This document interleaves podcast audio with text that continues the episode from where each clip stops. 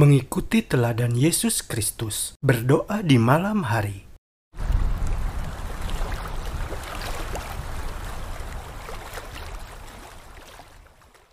Lukas 6 ayat 12 Pada waktu itu pergilah Yesus ke bukit untuk berdoa dan semalam-malaman ia berdoa kepada Allah. Yang maha tinggi di surga sewaktu terlibat dalam pelayanannya di dunia, banyak berdoa kepada Bapaknya. Dia sering bertelut sepanjang malam dalam doa. Jiwanya sering berduka ketika dia merasakan kekuatan kegelapan di dunia ini dan dia meninggalkan kota yang sibuk serta kerumunan orang yang ribut mencari tempat tersembunyi untuk mengadakan syafaatnya. Bukit Zaitun adalah tempat kesukaan anak Allah untuk perbaktiannya. Seringkali setelah orang banyak itu meninggalkan dia untuk sendirian di malam hari, dia tidak beristirahat meskipun lelah dengan pekerjaan hari itu. Dalam Injil Yohanes kita membaca, lalu mereka pulang masing-masing ke rumahnya, tetapi Yesus pergi ke Bukit Zaitun. Sementara kota itu diredam dalam keheningan dan para murid telah kembali kembali ke rumah mereka untuk mendapatkan penyegaran dalam tidur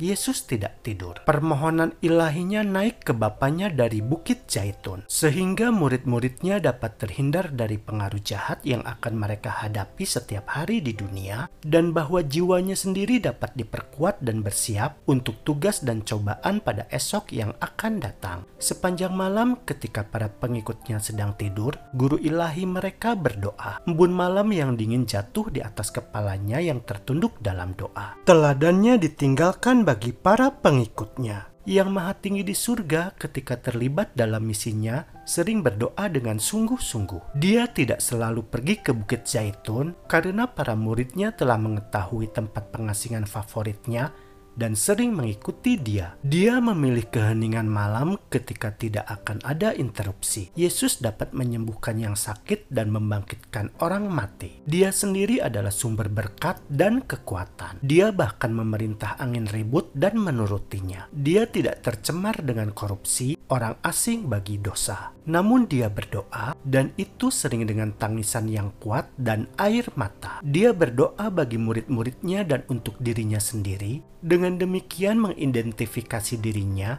dengan kebutuhan kita, kelemahan kita, dan kegagalan kita yang sangat umum dengan umat manusia. Dia adalah seorang pemohon yang kuat, tidak memiliki sifat-sifat kejatuhan dan nafsu manusia kita, tetapi diliputi dengan kelemahan yang sama, dicobai dalam semua hal, bahkan seperti kita. Yesus menanggung penderitaan yang membutuhkan bantuan dan dukungan dari Bapaknya.